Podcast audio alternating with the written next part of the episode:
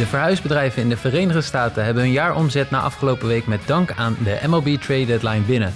De afgelopen maanden was het weliswaar relatief stil qua deals in MLB, maar in de afgelopen 48 uur zijn er veel zaken gedaan. Heel veel om vandaag te bespreken in de 143ste aflevering van de Just a Bit Outside podcast. En dat ga ik, Mike van Dijk, doen. Niet alleen, want we hebben iemand ter plaatse en dat is niemand minder dan Jasper Roos. Hey, goedemorgen voor mij, goedemiddag voor jou. Zeker, ja, goedemiddag, maar goedemorgen voor jou. Hoe is het daar, uh, Jasper? Uh, mayhem uh, na de MLB trade deadline of valt het relatief mee in jouw omgeving? Nou, ik heb wel de hele dag voor de tv gezeten gisteren tot de deadline. Ja, gelijk meetypen voor de artikelen en zo. Dat is wel ideaal dat je natuurlijk gewoon tv's met MLB Network overal om je heen hebt. Dat, is, dat maakt het allemaal een stuk makkelijker. Maar nee, verder denk ik niet heel veel anders dan voor jullie hoor. We hebben het allemaal zitten, fanatiek zitten volgen op Twitter en in appgroepen gisteren. Dus meer dan genoeg gebeurd. Het is echt ongelooflijk. Vorige week was het nog dat wij in de aflevering zeiden van nou ja, de laatste jaren af en toe zie je wel wat deals gemaakt worden, maar het valt relatief gezien wel mee. Maar dit jaar gingen echt alle remmen los, uh, had ik het idee. Het was een uh, compleet gekke huis. En een paar dingen die wij ons natuurlijk afvroegen in de vorige podcast, uh, daar hebben we antwoorden op gekregen. we vroegen ons af welke teams gingen wat doen. Hè. Bijvoorbeeld hadden het over de Yankees. Wat, doen, wat doen de Yankees? Gaan die de stekker eruit trekken en leeg traden? Of gaan die juist enorm veel inkopen? Nou, het werd het, tweede. De Yankees waren bij vrijwel elk gerucht betrokken en hebben meerdere deals gemaakt. Uh, en er zijn nog meer teams geweest die uh, natuurlijk uh, alles uit de kast hebben gehaald in een poging aan het eind van dit jaar met de trofee boven hun hoofd te staan. Ja, en laten we dan maar gelijk beginnen met met de trades die gemaakt zijn. En dan beginnen we met het team dat uitverkoop hield. En dat waren de Washington Nationals. Uh, op donderdag werden Trey Turner en Max Scherzer naar de Los Angeles Dodgers geruild.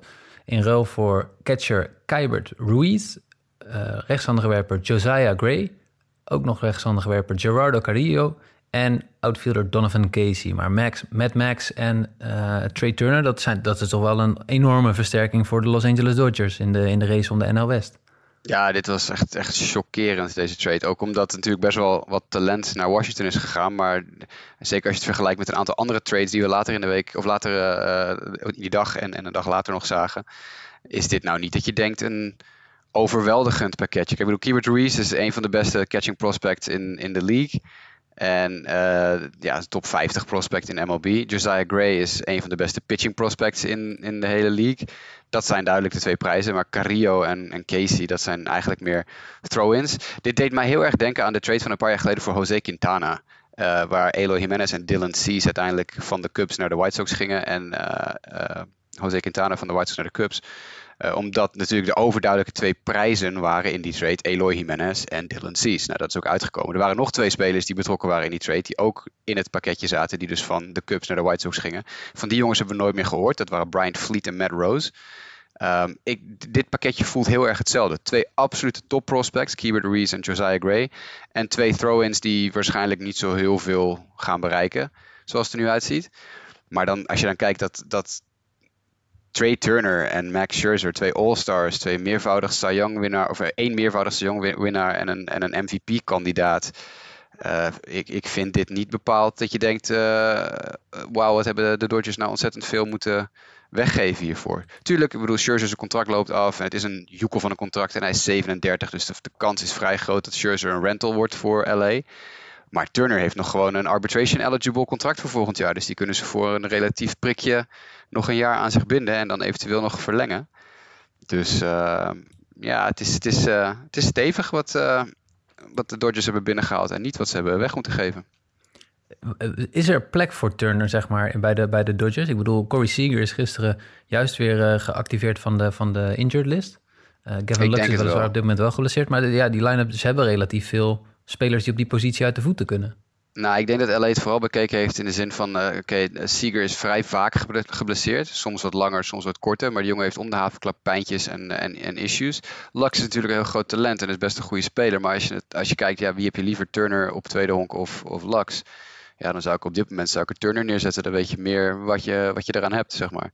Dus ik denk absoluut dat ze wel plek voor hem vinden. Ja geen probleem. En anders ga je, ga je gewoon roleren, joh. Dan roleer je ze tussen met, met uh, Justin Turner, Trey Turner en, uh, en Corey Seager over de tweede honk, op derde honk. Dan ga je daar gewoon een beetje roleren. Ja. Nou ja, en hoe heet het? ze hebben natuurlijk ook met Mad Max een, versterking Voor de, voor de rotation, daar, daar bleef het niet bij. Ook Danny Duffy kwam over van de Kansas City Royals. Uh, Kershaw is weliswaar op dit moment uh, geblesseerd, een ontstoken voorarm. Maar dat zijn toch wel twee namen om, uh, om zomaar toe te voegen even aan je, aan je rotation.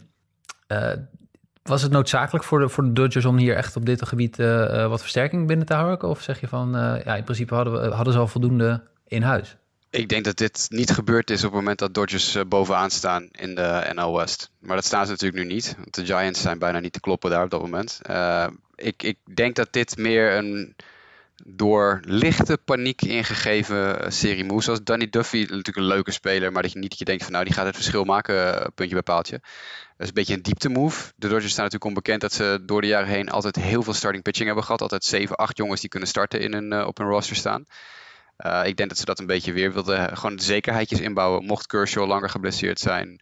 Mocht er iets met Bueller gebeuren. Mocht er iets met, nou, noem maar op gebeuren. En Trevor dan Bauer een, mogelijk geschorst worden. Nou, ja, precies. Trevor Bauer, die, ja, de, dat, dat verhaal heeft weer een, een twist gegeven. Daar gaan we volgens mij aan het eind van de show nog even kort over hebben. Dat is weer een ja. uh, interessante curveball die daar gegooid is. Met heel hoge RPM's. Um, dus ik, ja, ik denk dat dit meer ook een beetje getriggerd is door het feit dat ze niet, niet zomaar met de NL West aan het weglopen zijn. Nee. Ik vind het niet, ik vind, ik vind het niet, uh, vond het niet strikt noodzakelijk. Het is niet zo dat de Dodgers zo, um, zoveel gaten hadden dat dit nou echt nodig was. Ja, ja, en ik ben natuurlijk fan van een, een, een, team dat ook uitkomt in de, in de NO West. En ik had wel toen deze move gebeurde, dat je dacht van ja, hoe valt hier mee te concurreren? Ik bedoel, zodra er een trade deadline in de buurt komt, dan slaan de Dodgers wel ook echt steeds flink toe. Uh, en dat is volgens mij nu al het uh, tweede of derde, derde seizoen uh, dat dit dat en off-season, hè? Want ook, ook in de off-seasons harken ze telkens. En je, je, kijkt nu naar die, naar die, uh, die, die luxury tax en, en die, die payroll van ze. 277 miljoen dollar is het op dit moment. Dat is 70 miljoen meer dan de nummer 2. Ja. Like, het, het, het, slaat er helemaal nergens op. Ik bedoel, als je de, ik geloof de Pirates, Indians en uh, nog zo'n team combineert, dan hebben die nog 80 miljoen minder payroll met z'n drieën bij elkaar opgeteld dan alleen de Dodgers hebben. Dit gaat natuurlijk financieel gezien helemaal nergens meer over. Nee. Nee, en het, het bijzondere was eigenlijk uh, donderdagavond, toen ik ongeveer naar bed ging. Nou, misschien dat het ietsje, ietsje eerder was dan dat. Maar waren de geruchten juist heel anders. Uh, Max Scherzer zou op weg zijn naar de San Diego Padres. Er zou een deal zijn. dat word je de volgende ochtend wakker en dan, huh? Hoe komt hij in één keer in Los Angeles terecht? Nou, dat heeft er misschien ook wel mee te maken dat de Dodgers dat gehoord hebben en gedacht hebben, ja ho ho, maar dat gaan we even niet doen. Uh, dat, daar moeten we even een stokje voor steken. En dat ze toen uiteindelijk besloten hebben om uh, er alsnog in te springen en, uh, en toch met Kiebert en Josiah Gray te, te, te parten. Wat ja. eigenlijk totaal niet de planning was, want dat zijn echt gewoon wel twee echt serieuze prospects. Um, en toen duurde het, ik vond dat het nog lang duurde, want die trade werd niet eens officieel, want wij posten hem weliswaar op de site over, nou die trade is gemaakt, maar ja, natuurlijk hij is aangekondigd, maar hij is nog niet officieel gemaakt. En dat duurde nog meer dan 24 uur, echt vlak voor de deadline werd hij pas officieel gemaakt. Dus een, bijna een dag later. Dus dat is, uh, er heeft nog wel behoorlijk wat uh, uh, ja, nagesprekjes zijn er geweest tussen de Nationals en de, en de Dodgers. Misschien dat de Commissioners Office eventjes geïnformeerd heeft bij beide teams. Ho, ho, uh, kijk, de commissioners office mag veto, hè, mag trades die te ver gaan uh, tegenhouden. En misschien wilde de commissioner eventjes praten met deze teams om te kijken van, ja, vinden we dit wel echt oké? Okay? Het is net fantasy baseball. Soms is het net fantasy baseball, ja. En ergens daarin doen de Giants ook nog mee met iets minder middelen uh, wellicht dan op het moment. Maar we gaan zo meteen de deals van de Giants en de Padre, Padres be bespreken. We gaan eerst door naar de Oakland Athletics, de AL West. Want ook die zaten zeker niet stil uh, rond de trade deadline. Jesus Luzardo, de reliever, die is naar de Miami Marlins geruild. En in ruil daarvoor kwam Starling Marte, de outfielder, uh, terug. Nou, daarmee hebben ze denk ik echt een, uh, een leuke outfielder erbij.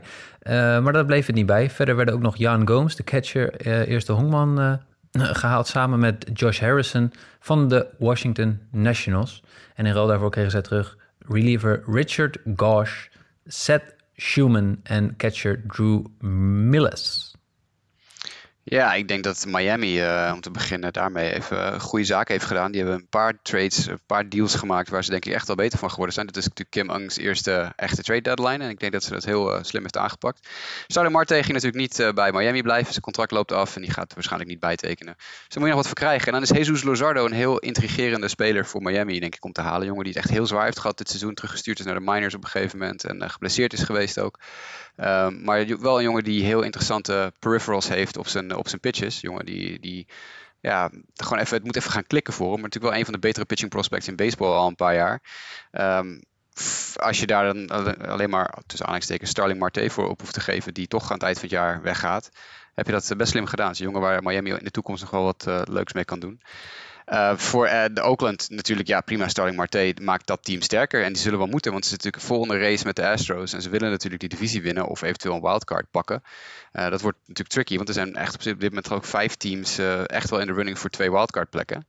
Dus ehm, ja, Starling Marte maakt ze beter. Young Gomes, Josh Harrison is denk ik pure diepte moves. Ik, weet niet of Young Gomes en Josh Harrison je nu heel erg veel beter maken op, op day-to-day basis. Maar ja, voor diepte moves, als je nog een extra catcher nodig had, of uh, een utility speler als Harrison. Heel veel ervaring, allebei dik in de 30. Dus dat zijn wel jongens waar je, ja, waar je wat aan hebt. Dus alles bij elkaar slimme, slimme trades all around, denk ik. Ja, denk ik ook. Uh, um, let's move on. Dan waren een van de meer op, op, op, opvallende trades die we hebben gezien, is denk ik toch wel die van uh, Minnesota Twins Ace, eigenlijk toch wel. Jose Barrios, die naar de Toronto Blue Jays ging. En ja, daar haalden de Twins toch wel enige twee grote talenten voor terug. Namelijk Austin Martin, de korte stop outfielder die vorig jaar nog eerste ronde pick was van, uh, van de Toronto Blue Jays. En ook reliever Simeon Woods Richardson.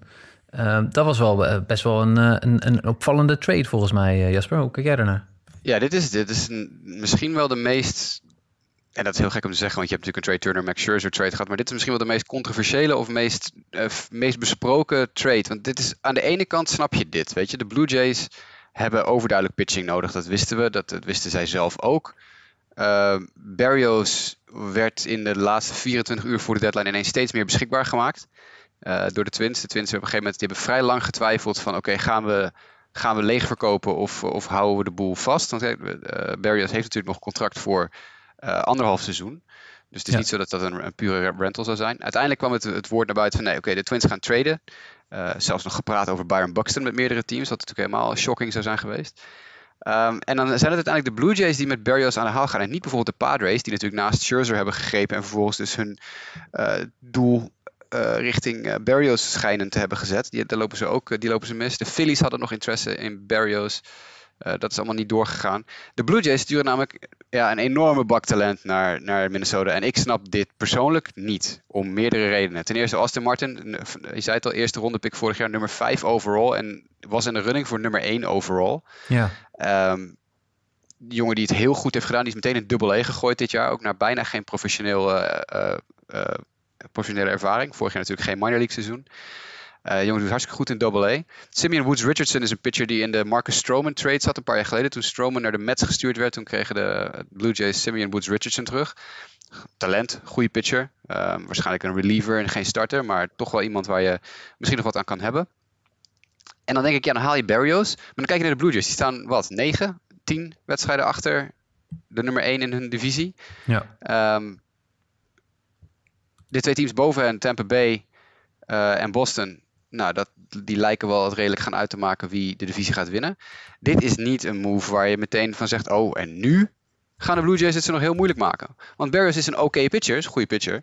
Maar ik, we roepen dit al maanden, zo niet jaren. Barrios is heel wisselvallig. Die begint vaak heel goed aan het seizoen. Hè. Dat hebben we vaker gezien. April supergoed. En in mei stort de boel even helemaal in. En dan trekt hij richting de, de, de All-Star break weer een beetje aan. En dan stort de boel weer in. Ik vind dit echt waanzinnig veel wat de Blue Jays hebben betaald voor een, een Jose Barrios. Ja, en ik, ik was, ik, precies, ik was ook echt met name verbaasd over, uh, over Aston, uh, Aston, Martin. Want kijk, het, het, het, bijzondere vind ik dan ook, kijk, je, misschien dat ze gewoon een inschatting hebben gemaakt van de core die ze nu hebben.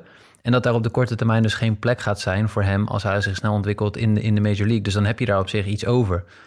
Maar in de, ja, Jose Barrios is niet iemand, zoals je terecht opmerkt, ja, anderhalf seizoen. Ja, dit seizoen, 8,5 wedstrijd op dit moment achter op de Red Sox. Ga je echt meedoen in die race? Ik vind dat echt uh, een, uh, een grote opgave voor, voor de Blue Jays.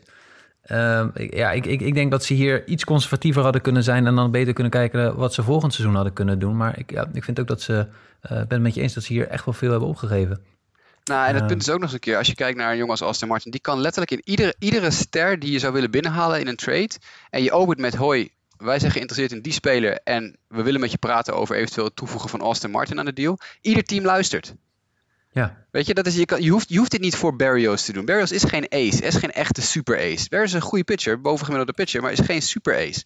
En op het moment dat je besluit van oké, ik ga met Austin Martin parten, we doen, we doen Martin weg, dan kan je letterlijk zo ongeveer ieder team aanschrijven en zeggen, hé, hey, we zijn geïnteresseerd in jouw ster. En we zijn bereid om met Austin Martin, onze nummer 1 prospect, een beetje te, te, te parten. En als je nu kijkt wat de, de in de, in de minors hebben, ik heb even heel snel hun, hun top prospect top 30 geopend. Nou, dat is uh, helemaal niks. Nee. Dat is echt, nee, echt... helemaal niks. Ja, dit was echt uh, eigenlijk een van hun, hun, grote, hun grote spelers. Bedoel, uh, Nate Pearson, uh, de pitcher, die, die, hè, dat is eigenlijk gewoon, als hij fit blijft, is dat, is dat Jose Barrios light. Nou ja, goed, Pearson heeft dit jaar wat problemen gehad, maar die zou in principe dit jaar een uh, belangrijk integraal onderdeel van dat team zijn geweest. Ja, dan heb je Barrios eigenlijk helemaal niet nodig. En voor de rest hebben ze vrijwel geen pitchers die ertoe doen in de, in de top 10.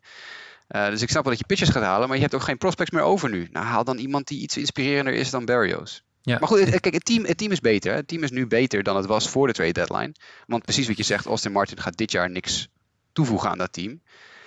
Maar ik weet niet of dit nou met het oog op de toekomst een heel slim slimme beslissing was. Nee, en, en, en, dan terug bij het punt wat je, wat je net zegt eigenlijk van ja, maar gaan ze dit jaar dan serieus meedoen? Ja, nou goed, ik denk dat ze daarvoor al een, eh, een achterstand op zich hebben. Het was niet de enige uh, uh, trade die ze maakten. Ze hebben ook nog uh, Joaquim Soria zeg maar gehaald van de Arizona Diamondbacks.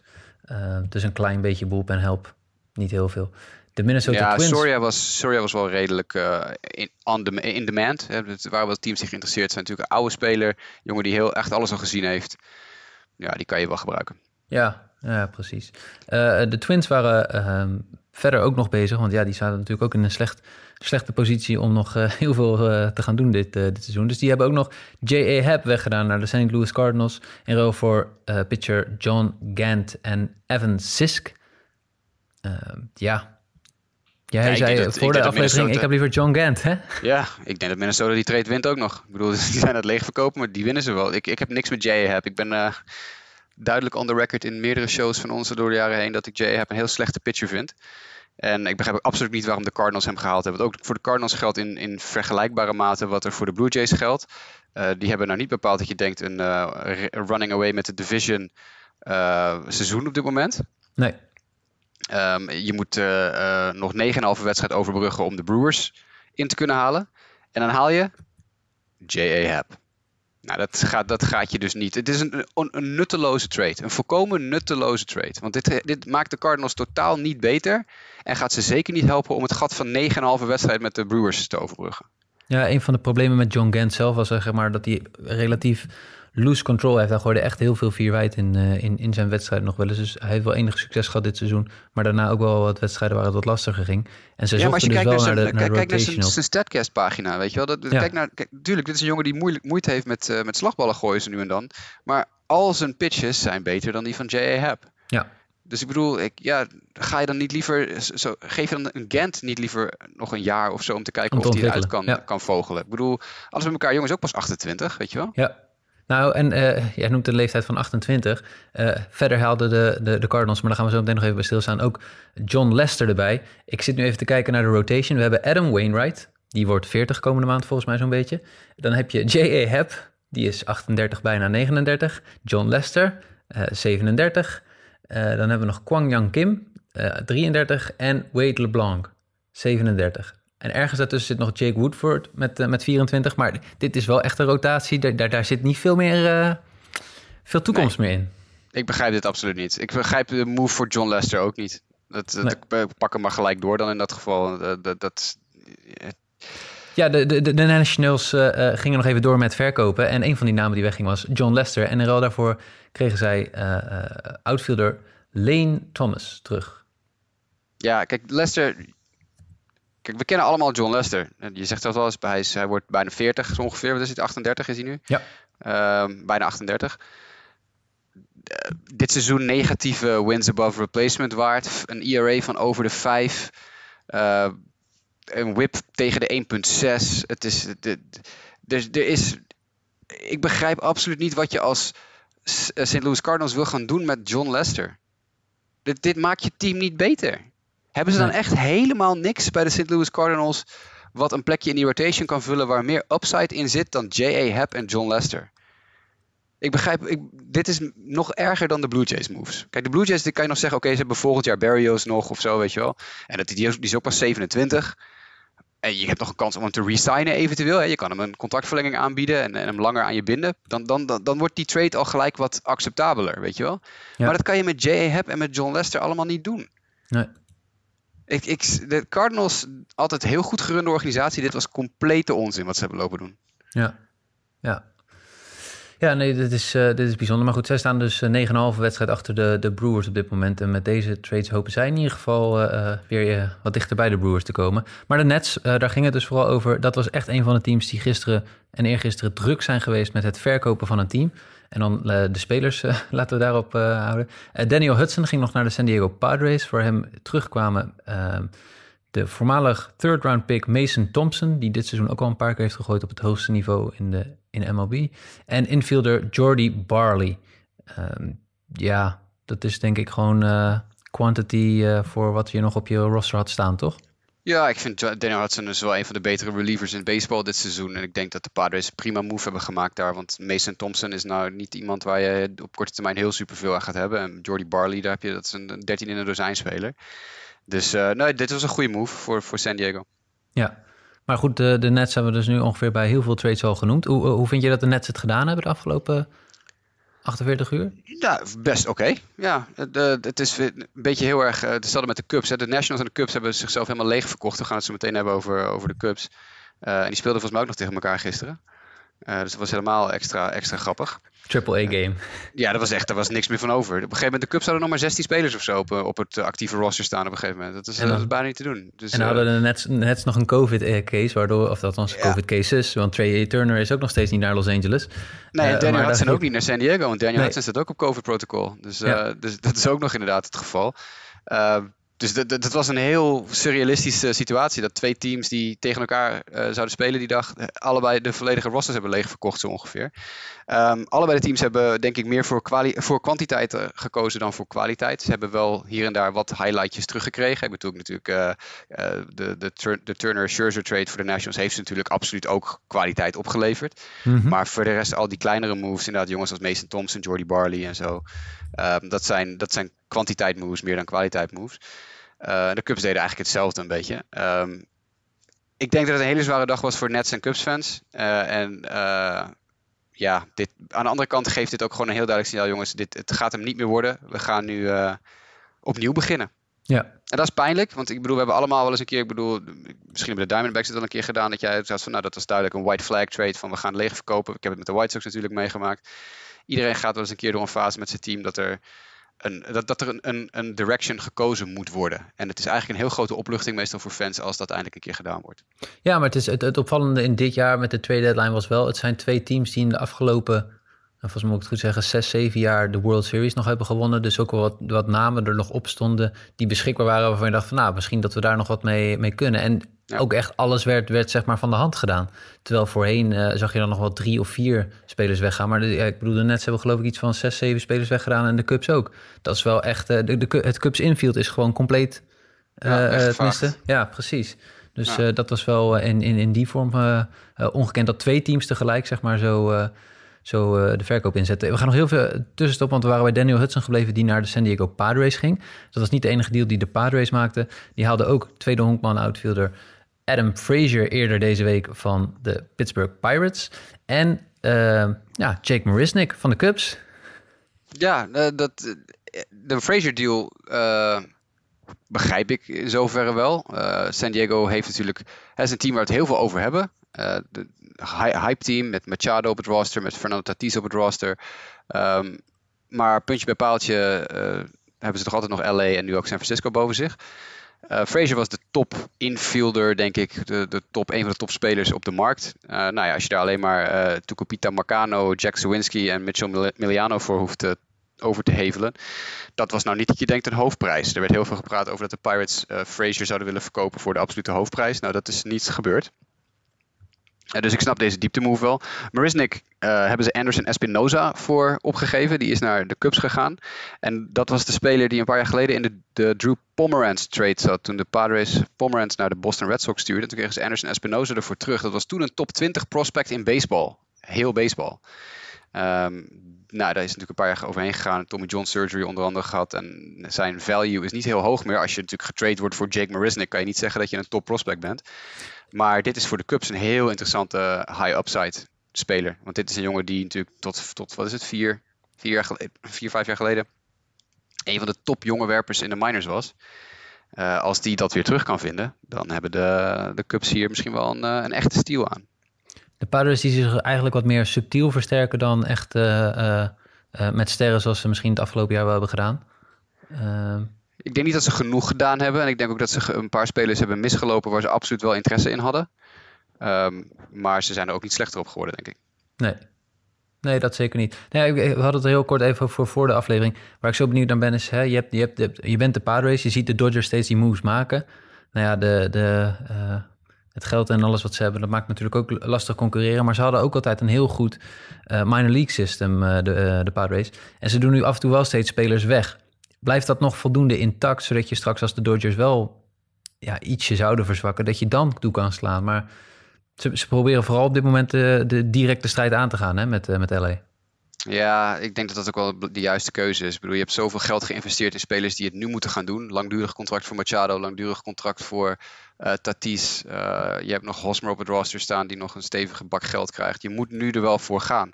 En ze hebben absoluut niet meer een, uh, een minor league systeem zoals ze dat een paar jaar geleden hadden. Want ze hebben natuurlijk heel veel weggestuurd. Maar het is nog steeds, er zit echt wel wat serieus talent. Alleen een paar jongens die waar veel van verwacht werd, die het niet helemaal hebben kunnen waarmaken nog. Mackenzie Gore is een beetje ingestort. CJ Abrams heeft zijn kniebanden gescheurd, dus die ligt eruit. Dat soort jongens, dat zijn gelijk de nummer 1 en 2 in dat systeem die nog over zijn. Uh, dus, dus het moet nu wel gaan gebeuren, denk ik, voor San Diego. Want anders dan zitten ze over twee, drie jaar, uh, moeten ze overwegen om Tatis te traden of zo. Ja, Uh, uh, je noemde net al een, een, aardige speler die de Cubs hadden binnengehaald in een van die trades met de, met de Padres. Uh, de verkoop ging door in Chicago. Wie hadden ze nog meer erbij gehaald? Nou, Chris Bryant ging naar de San Francisco Giants. Dat was ongeveer de laatste deal die voor de deadline hè, van 10 uur echt naar buiten kwam. Ehm, ja, wat doen de Giants met, met Chris Bryant? Je hebt Evan Longoria, de, de, volgens Statcast de meest red-hot speler als hij fit is in, in, in, in baseball.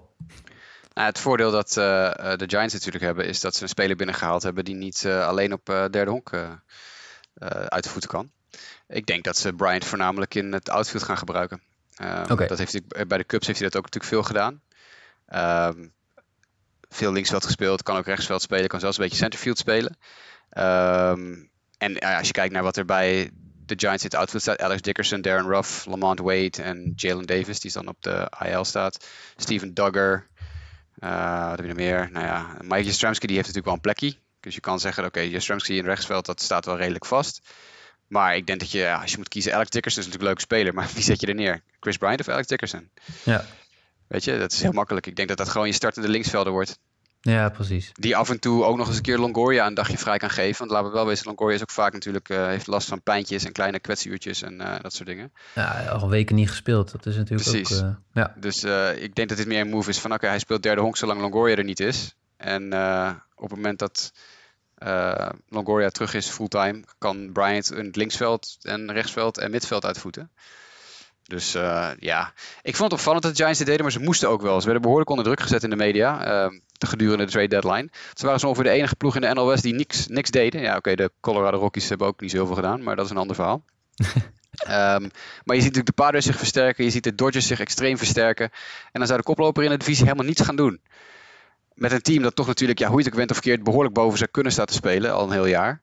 Uh, dit was een move die wel moest. En dan was wel hilarisch dat er nog paniek in de tent was. Dat was iemand die een uh, fake Twitterbericht de wereld in had gegooid. Dat uh, de, de prijs voor Chris Bryant, Lamont Wade Jr. en Joey Bart zou zijn geweest. Nou, toen ging onder andere Nick D'Alessi, uh, voormalig podcastmedewerker en Giants-fan, die ging over zijn nek. Maar dat bleek niet waar te zijn, dus dat scheelde. Gelukkig voor Giants fans. Het bleef beperkt tot outfielder Alex Canario en reliever, of nee, sorry, right-handed werper Caleb Killian. Dus ja. uh, ik, vond, ik, vond, het wel weer bijzonder. Ja, je, we hebben toch te maken met spelers en er zitten, dat is, het zijn gewoon mensen. Dus je zag ook dat uh, Chris Bryant het, uh, het nieuws te horen kreeg via telefoon in de dugout. En ja, vervolgens is hij toch dan wel emotioneel over het feit dat hij naar, een, naar een andere club gaat. En ja, zijn, zijn boek op dit moment, het hoofdstuk in ieder geval afsluit van de Chicago Cubs, wat hij, waar hij nu speelde. Ja, en hij zei ook natuurlijk van tevoren al, voordat die trade gemaakt was, van ja, de kans dat ik, misschien teken ik wel gewoon weer bij de, bij de Cubs aan het eind van het uh, seizoen. Kan natuurlijk, hij, zijn contract loopt dit jaar af. Ja. Dus hij kan, aan, hij kan het offseason is hij free agent, dus hij kan tekenen waar hij wil. Um, dus hij kan in principe weer naar de Cubs gaan. Ik weet niet of hij dat gaat doen, want waarom zou je in hemelsnaam naar een club toe gaan die helemaal leeg verkocht is? En waarom zouden de Cubs hem 20 miljoen per jaar gaan geven? Oh, nee, uh, ik wilde net zeggen inderdaad, van midden, nou ja, als het salaris ja. goed genoeg is, uh, nee, maar waarom zouden ze dat doen? Ze zitten midden in een rebuild. Ze hebben alles en iedereen zo ongeveer, alles wat los en vast zit, hebben ze verkocht. Ze hebben nog net Wrigley Field niet te koop gezet. Ja. Um, dus uh, ik denk niet dat, dat Brian terug gaat naar de Cubs. Maar het, in theorie kan het. Ja, nou goed. Um, de Giants had nog één andere deal gemaakt. Dat was dat linkshandige werper Tony Watson overkwam en ruil voor Sam Selman uh, van de Los Angeles Angels volgens mij. Als ik het goed ja, heb. Klopt. Ja, goed. Ja. Dus, uh, maar goed, dan is de derde honkman weg. Wat hebben we dan nog over? Oh ja, kort stop. Javi Baez en Trevor Williams, die gaan naar de New York Mets. Naar de New York Mets, uh, oké. Okay. voor outfielder Pete Crow Armstrong. Ook een draft pick van vorig jaar. Eerste ronde volgens mij. Eerste ronde, ja. Ja, dit is uh, een, uh, de Cubs uh, hebben dit goed gedaan. Ja, toch? Pete, ja. Crow, Pete Crow Armstrong is een van de betere outfield prospects. Heel jong nog, uit, uit high school gedraft. een van de jongere top outfielders in de minor league. En ja, laten we wel weten, Javi Baez, superleuke speler. Maar Javi Baez doet ook heel veel niet goed. Weet je, dus hij doet heel veel goed, maar hij doet heel veel niet goed. dus naar de Mets. Ja, een enorme afleiding af en toe. Maar... Ehm, ja, nee, dit is fantastisch. Het is een, een coup d'état is dit voor de Cubs. Dat ze deze jongen hebben kunnen krijgen voor Javi Baez. Uh, die je toch niet meer nodig hebt eigenlijk. Dus uh, ja, de Mets worden hier wel iets beter van natuurlijk ook. Want uh, ik bedoel, Javi Baez is een, een goede, op een goede dag is hij een goede speler. En hij gaat tweede ja. honk spelen waarschijnlijk natuurlijk met Lindor op korte stop daar. Hij zei ook van tevoren al de enige reden dat hij van de korte stoppositie af zou gaan was als hij met Lindor samen kon spelen. Want dan zou hij naar tweede honk gaan om met Lindor te kunnen spelen. Nou, dat is ook gebeurd. Dus ik vermoed ook dat hij een klein beetje heeft kunnen sturen. Um, volgens Baez onder andere uh, waren de Cubs ook heel erg eerlijk en open in hun communicatie naar alle spelers die weggingen. Die hebben gewoon heel duidelijk een paar dagen van tevoren gezegd, luister jongens, we gaan jullie allemaal verhandelen. Heb je voorkeuren? Uh, dan kan je dat eventueel aangeven, dan kunnen wij contacten leggen en dan uh, gaan we kijken wat we kunnen doen. Ja. Nou, voor Baez is dat uh, goed uitgekomen, want hij mag nu met zijn, zijn beste vriend samen gaan spelen. Dat is natuurlijk voor hem heel erg leuk. Mets worden er beter van. en de Cubs op lange termijn ook, want Pete Armstrong is een waanzinnig talent. Ja, precies. Um, eerder de week hadden ze ook nog Andrew Chafin naar de Oakland Athletics gestuurd. Dat was ook weer een aardige bullpen-ad voor de A's. Uh, in ruil voor minor league outfielder Greg Deichman en uh, right-hander Daniel Palencia. Um, wat hadden we nog verder aan het infield staan? Oh ja, Anthony Rizzo. Anthony Rizzo is een New York Yankee geworden. En daarvoor terugkwamen naar de Chicago Cubs Kelvin Alcantara en uh, right-handed werper Alexander Vizcaino. Wat kan je ons vertellen over Alcantara en Vizcaino? Nou, het zijn leuke spelers, maar de Yankees hebben heel duidelijk van tevoren aangegeven, denk ik aan iedere, ieder team waar ze mee onderhand hebben luisterd. We hebben vier of vijf prospects die volslagen onaantastbaar zijn. Daar, daar willen we absoluut niet over praten. En voor de rest is iedereen eigenlijk fair game. En uh, ja, ik bedoel, dit zijn jongens uh, waar, je wel, ja, waar je wel wat voor talent voor kan binnen kan halen. Kijk, de Yankees wilden absoluut niet met Jason Dominguez, Clark Schmidt, Davy Garcia, dat soort jongens die wilden ze af, absoluut niet kwijt. Esteban Florial waarschijnlijk ook. Anthony Volp, de, de korte stop. Dat soort jongens willen ze gewoon houden, punt. En voor de rest, ja, ik bedoel, kies maar uit. Nou ja, als je dan in dit geval Kelvin Alcantara uh, kiest, nou, dat is een leuke speler. Maar ja, ik denk niet dat de Yankees daar op korte termijn heel erg uh, rampzalig uh, nachtmerries van zullen hebben. Ik, dit was misschien wel de beste move die de Yankees gemaakt hebben. Anthony Rizzo natuurlijk gewoon een heel stabiele speler. Een echte veteraan, een aanvoerder. Ja. Uh, natuurlijk, de Yankees op het eerste honk een absolute gat gehad met uh, de blessures bij Luke Voigt. Uh, onder andere, Voigt werd ook nog heel erg geshopt om te, om te traden, maar niemand wilde hem. Um, dus dit, ja, hier worden ze stabieler van. En ook Rizzo is ook iemand die natuurlijk regelmatig vier wijd krijgt. Een goed, een goed oog voor de slagzone heeft. Nou, de Yankees zijn een van de ploegen die het meeste strikeouts om de oren krijgen. dus dan kan je ook wel zo'n soort speler bij gebruiken. Dit, dit was een volkomen uh, begrijpelijke move die niemand heeft aanzien komen, denk ik. Want niemand had echt verwacht dat de Yankees zo all-in op de, de trademarkt zouden zijn. Maar een heel goede, goede versterking. Nee, want als je dus iemand hebt die juist wat beter is in, vier of in, in drie slag ontwijken, dan, dan kan je dat ook weer iemand halen die daar wat minder goed in is. Dat is een bruggetje naar de volgende trade. Ja. Joey Gallo kwam van de Texas Rangers over samen met Joely Rodriguez en uh, cash considerations. Um, en in ruil daarvoor gingen naar Texas Ezekiel Duran, de infielder. Uh, Josh Smith, ook een infielder. Trevor Hauer, infielder. En uh, rechtshandige werper Glenn Otto. Ja, niet te verwarren Trevor Hauer met Trevor Bauer natuurlijk. Nee. Um, ja, dit, dit, deze, ja, dit vind ik weer, ja, haal ik mijn schouders weer over op. Dit sloeg, dit, dit is, ja. Joey Gallo is, krijgt waanzinnig veel strikeouts. De Yankees krijgen ontzettend veel strikeouts. Ja, dus wat doe je dan? Dan breng je iemand binnen die dat gemiddelde nog verder omhoog krikt. Ik snap er absoluut niks van. Tuurlijk, je haalt hier heel veel home runs bij. Maar ik bedoel... Uh, de Bronx Bombers. En ja, zowel met Rizzo als met, met Gallo, ja. Maar ja. ja, maar ben ik nou gek of hadden de Yankees een pitchingprobleem? Nee, ja, dat, dat, is, dat is de spijker op zijn kop. Ja, maar dat is toch, dat is, als je dan, als je dan vergaat, prima, maar dan haal je toch pitchers? Dan ga je toch niet, ik bedoel, home runs en, en zo is het probleem niet zo, geloof ik, uh, daar met, met Judge en eventueel Stanton nog. En nou ja, noem een, uh, weet ik veel, DJ LeMahieu als hij zijn dag heeft. Voigt als hij fit is, nou ja, dat is een, uh, natuurlijk een andere kwestie. Sanchez. De power is het probleem volgens mij niet daar. De, de offense doet het bij tijd en wijle best redelijk. Volgens mij hebben ze gewoon een pitchingprobleem. Ja. Zeker nu Cole niet meer de on onaantastbare ace is sinds de sticky stuff niet meer mag. Uh, ik, ik had pitching gehaald. Maar ja, weet je, ik bedoel, ja, ik, ik snap dit niet. Ik denk ook niet dat de Yankees, dat dit genoeg gaat zijn voor ze om op een of andere manier nog mee te gaan. Ik begrijp de keuze ook niet om, om dit te doen. Ik begrijp er absoluut niks van. Nee. Ik bedoel, je gaat no way de Tampa Bay Rays meer inhalen. Je gaat waarschijnlijk no way de Boston Red Sox meer inhalen.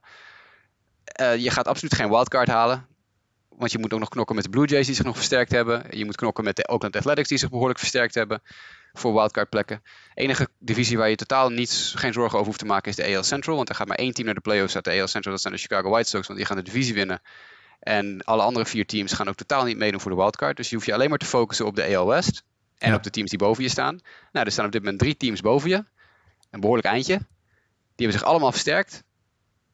Ik snap dit absoluut niet. Dit, dit, dit, de Yankees, dit is misschien zijn ze dit aan hun stand verplicht. Dat dat een beetje het idee is. Van oké, we, we, zijn, we zijn de Yankees, dus we, we moeten er wel voor gaan. Maar we mogen niet verkopen. Ja, precies. Ja, maar dat, ja, precies, dat is juist een zwaktebod, vind ik hoor. Als je dat, als je dat niet kan inzien. Nou, dit is dus de reden dat bijvoorbeeld de Nationals en de, en de Cubs, wat dat betreft, voor mij iets beter opstaan. Die hebben gewoon geaccepteerd. Luister, wij gaan. Het is op, de koek is op. Uh, het, einde is hier van onze World Series winnende kernen. Uh, en uh, we geven het op en beginnen opnieuw. Nou, ik begrijp dit van de Yankees gewoon helemaal niet. Het is weer Yankees being Yankees. In de, in de hoop dat ze met het binnenhalen van zoveel mogelijk grote namen iets kunnen doen. Maar uiteindelijk maken ze het team niet beter. Ja, natuurlijk, het team wordt iets beter. Als je natuurlijk sterren als Gallo en, en Rizzo aan je offense toevoegt, word je wel beter. Maar dit gaat niet. Dit gaat ze geen playoff plek opleveren op deze manier. Nee, precies. En zoals je zegt, kijk, ik bedoel, dan kom je aan in die playoffs. Hè? En wie zijn dan je, je, je 1, 2, 3 om een beetje competitief uh, te zijn. Uh, ja, Cole is dan uh, natuurlijk wel een hele duidelijke, maar Tyone is natuurlijk heel wisselvallig geweest en eigenlijk gewoon. Heeft wel een goede maand jullie, heeft wel een heel goede maand jullie. ja, precies. nou ja, en statcast-wise zat dat daar ook wel een beetje aan te komen dat hij op een gegeven moment de, wel weer wat beter moest gaan gooien. maar ja. goed, ja, precies wat je zegt. Voor de rest heb je een Jordan Montgomery. Ja, dat is een degelijke jongen. Maar het, is, weet je, het kan ook gewoon een keer helemaal fout gaan. Je hebt nog een Domingo Herman. Ja, die gooit van de week 7 of 7,5 ja. no-hit innings. Ja. Maar wat, wat heeft hij voor de rest dit seizoen uh, laten zien? Is dat iemand waar je echt blindelings op vertrouwt in een playoff-serie of zo? En dit is precies wat je ziet, uh, wat je vorig jaar bijvoorbeeld bij de White Sox zag. Wat heel veel fans en, en analytici aan zagen komen. Dat de White Sox vorig jaar bijvoorbeeld in de, de rotation niet genoeg diepte hadden om een korte of lange playoff-serie te winnen. En wat gebeurt er? Nou, ze winnen één wedstrijd in de playoffs. Ze verliezen er eentje in de playoffs. Vervolgens kom je in game 3. En wie hadden er geen nummer 3 starter? De Chicago White Sox. En dan krijg je dat ge gejongleer met Dane Dunning en Garrett Crochet en zo. En nou, ze verliezen die wedstrijd uiteindelijk. Terwijl iedereen van tevoren zei: nee, je moet vorig jaar al Lance Lynn halen als nummer 3 in de playoffs.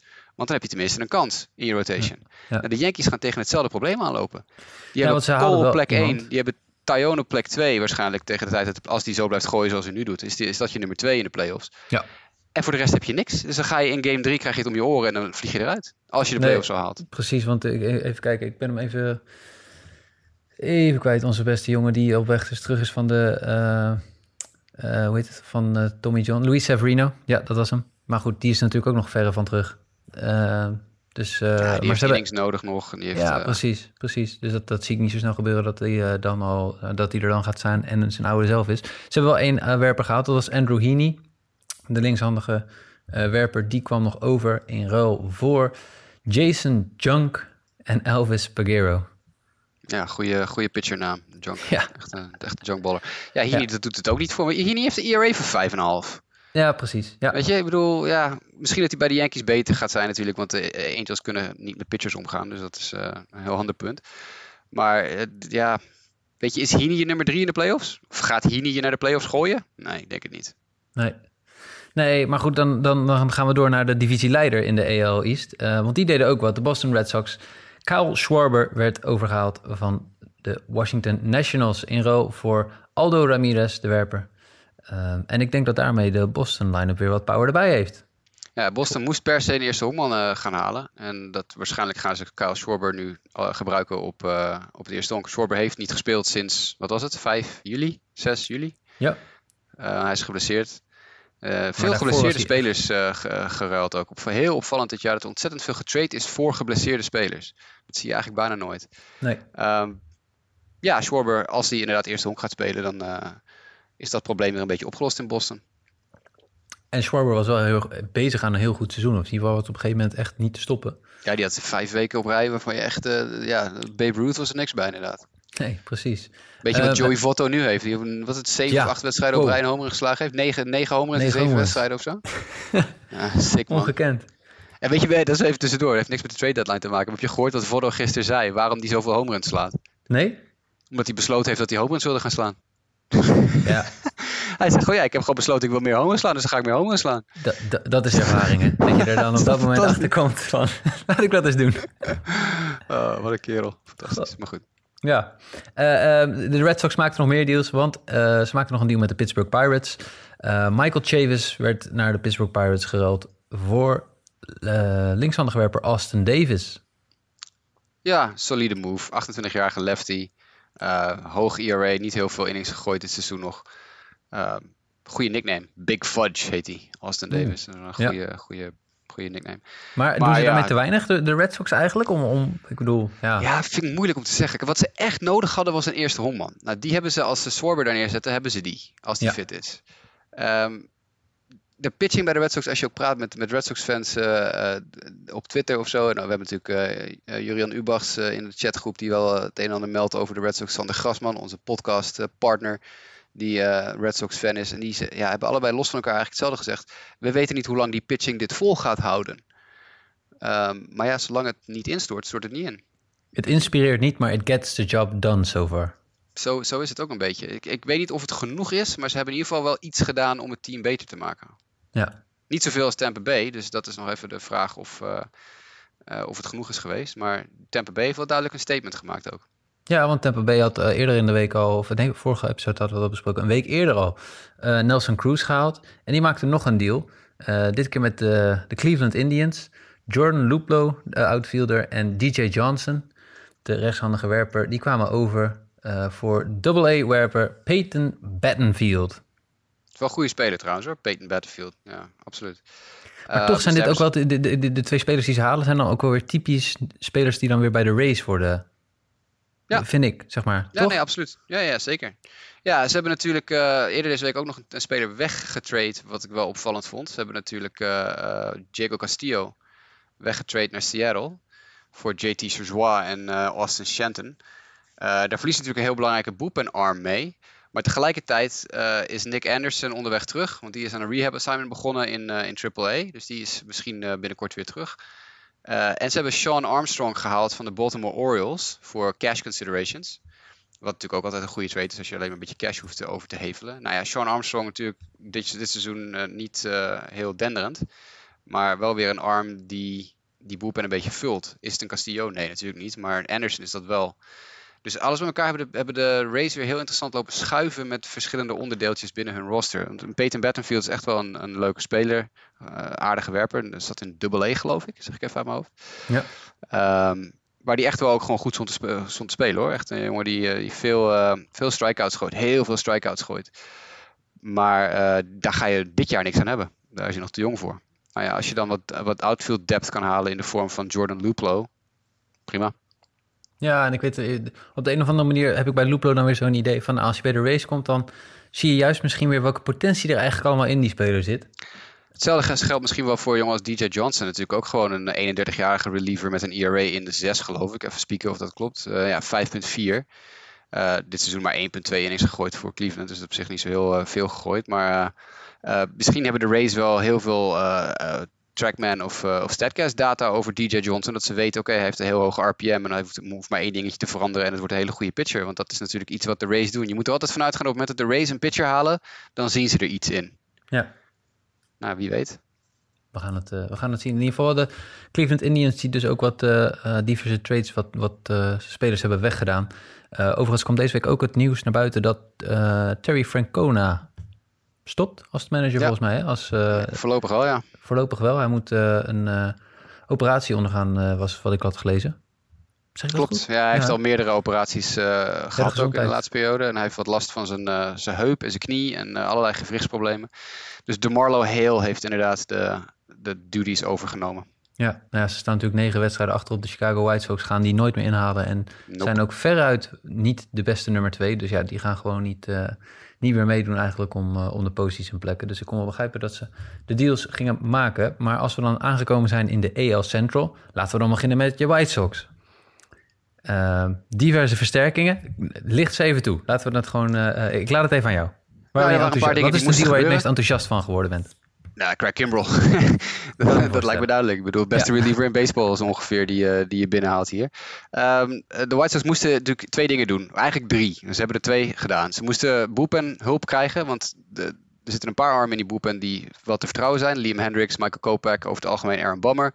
Uh, maar de rest was een beetje gammel. Uh, dus er moest een boepen arm of twee bij komen. Er moest een tweede honkman komen, omdat Nick Madrigal natuurlijk het hele jaar uitgeschakeld is met gescheurde hamstrings. Eh, en er eigenlijk natuurlijk Leory Garcia en dat soort jongens niet. Uh, nou, dat is niet de oplossing op het tweede honk als je de playoffs wil halen. Of als je het goed wilt doen in de playoffs. En er moest eigenlijk nog een outfielder bij komen. bij voorkeur een rechtsvelder. Nou, die, rechtsvelder is niet gelukt. Maar goed, ze hebben Gavin Sheets als rookie die het vrij aardig doet. Dus dan moet hij dat maar doen. Maar ze hebben wel twee relievers en een tweede honkman gehaald. Het begon donderdag al met Cesar Hernandez van de Cleveland Indians. Um, tweede honkman die, natuurlijk, die ik heel graag dit offseason al had willen hebben. Uh, ik zag het wel als een goede diepte move. Nou, Hernandez prima seizoen. Moeilijk begonnen uit het seizoen, maar heeft een waanzinnige maand juli.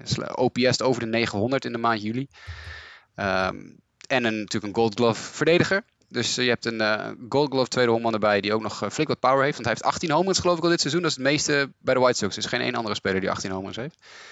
Dus dat, daar haal je een goede mee binnen. Daarvoor hebben ze Connor Pilkington opgegeven. Derde ronde pick van een paar jaar geleden.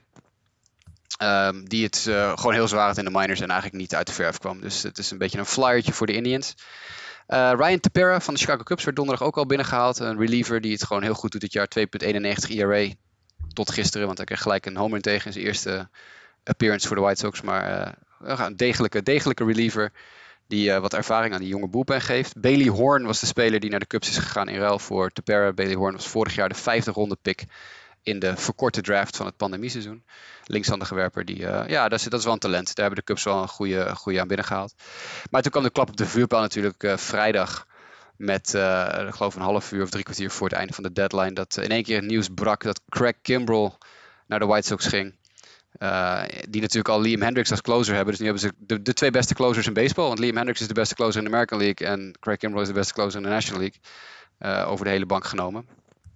Uh, dus dat, ja, dat wordt een bruut, bruut einde van de boelpen. Dat wordt, uh, dat wordt onaantastbaar. Zevende, achtste, negende inning met uh, Kopek, Kimbrel, Hendricks. Eventueel nog Bammer erbij. die ook echt unhittable is af en toe. Dus dit is, ja, dit is nu... Ja, ze zeiden bij MLB Network gisteren ook eigenlijk allemaal... Dit is de beste boelpen in de majors nu. Ja. Ehm, moet je natuurlijk wat voor opgeven. Als je een speler als Kimbrel haalt, dan moet je iets opgeven. Cody Hoyer, de reliever die nu al in de boelpen zat voor de White Sox, maar die een heel moeilijk seizoen had. Jonge gast nog, gooit heel hard, uh, maar wist dit seizoen eigenlijk niet zo goed waar het heen ging. Vorig seizoen heel goed in het pandemieseizoen. Dit seizoen niet echt, uh, niet echt in zijn element. Dus die gaat naar de Cubs. Dat is een jongen die echt wel heel, echt barst van het talent hoor. Echt barst van het talent. Dus daar, als de Cubs hem goed opleiden, kan dat echt een uh, monster worden in hun boelpen over een paar jaar. En ja, de eerder genoemde Nick Madrigal, die dus dit seizoen niet meer in actie komt vanwege gescheurde hamstrings. Uh, voormalig uh, first round pick, vierde overall in 2018, zeg ik even aan mijn hoofd. Um, veel gespeeld in de majors dit jaar tot hij geblesseerd raakte. Hoogslag gemiddelde, maar geen power. zijn defense zou heel goed zijn. Dat hebben we helemaal nog niet gezien. Dat is eigenlijk gewoon een heel slechte verdediger. Zijn honklopen rammelt aan alle kanten. En ik denk dat de White Sox eigenlijk zoiets gehad hebben van, nou ja, wij denken niet dat Madrigal het in de toekomst nog voor ons gaat doen. Cesar Hernandez, die ze net binnen hebben gehaald, heeft nog een optie van voor maar 6 miljoen voor volgend jaar. Dus ik heb een sterk vermoeden dat die optie meteen op de eerste dag opgepikt gaat worden. En dat ook volgend jaar Cesar Hernandez tweede hoek speelt bij de White Sox. Um, maar ja, Craig Kimbrell jongens. Craig Kimbrell, wat een feest. Ja. Power, power move. White Sox moesten, moesten een power move maken. Dit was hem. Dit is, dit is al je kaarten op tafel leggen en zeggen van uh, fuck you, we komen voor, voor jullie allemaal. Ja, want in principe, de, de, nou ja, gewoon überhaupt uh, alles op de, wat op de heuvel staat, is, uh, ziet er gewoon heel goed uit. Vind je dat de, de line-up ook nog, nog gaten kent? of dingen die, wat, wat had je eigenlijk nog graag willen zien? Nou ja, ik had bij voorkeur nog een. Uh, kijk, een Starling Marte was een heel goede keuze geweest bijvoorbeeld. Alleen ja, het, nadat de White Sox hebben aan de offense kant, is dat het heel erg heavy rechtshandige line-up is. Weinig lefties. Dus je hebt eigenlijk ook nog een lefty outfielder met power nodig. Hè. Die, zijn, die liggen nou helemaal niet voor het oprapen. Chris Bryant werd nog heel erg aan de White Sox gekoppeld voordat hij naar de Giants ging.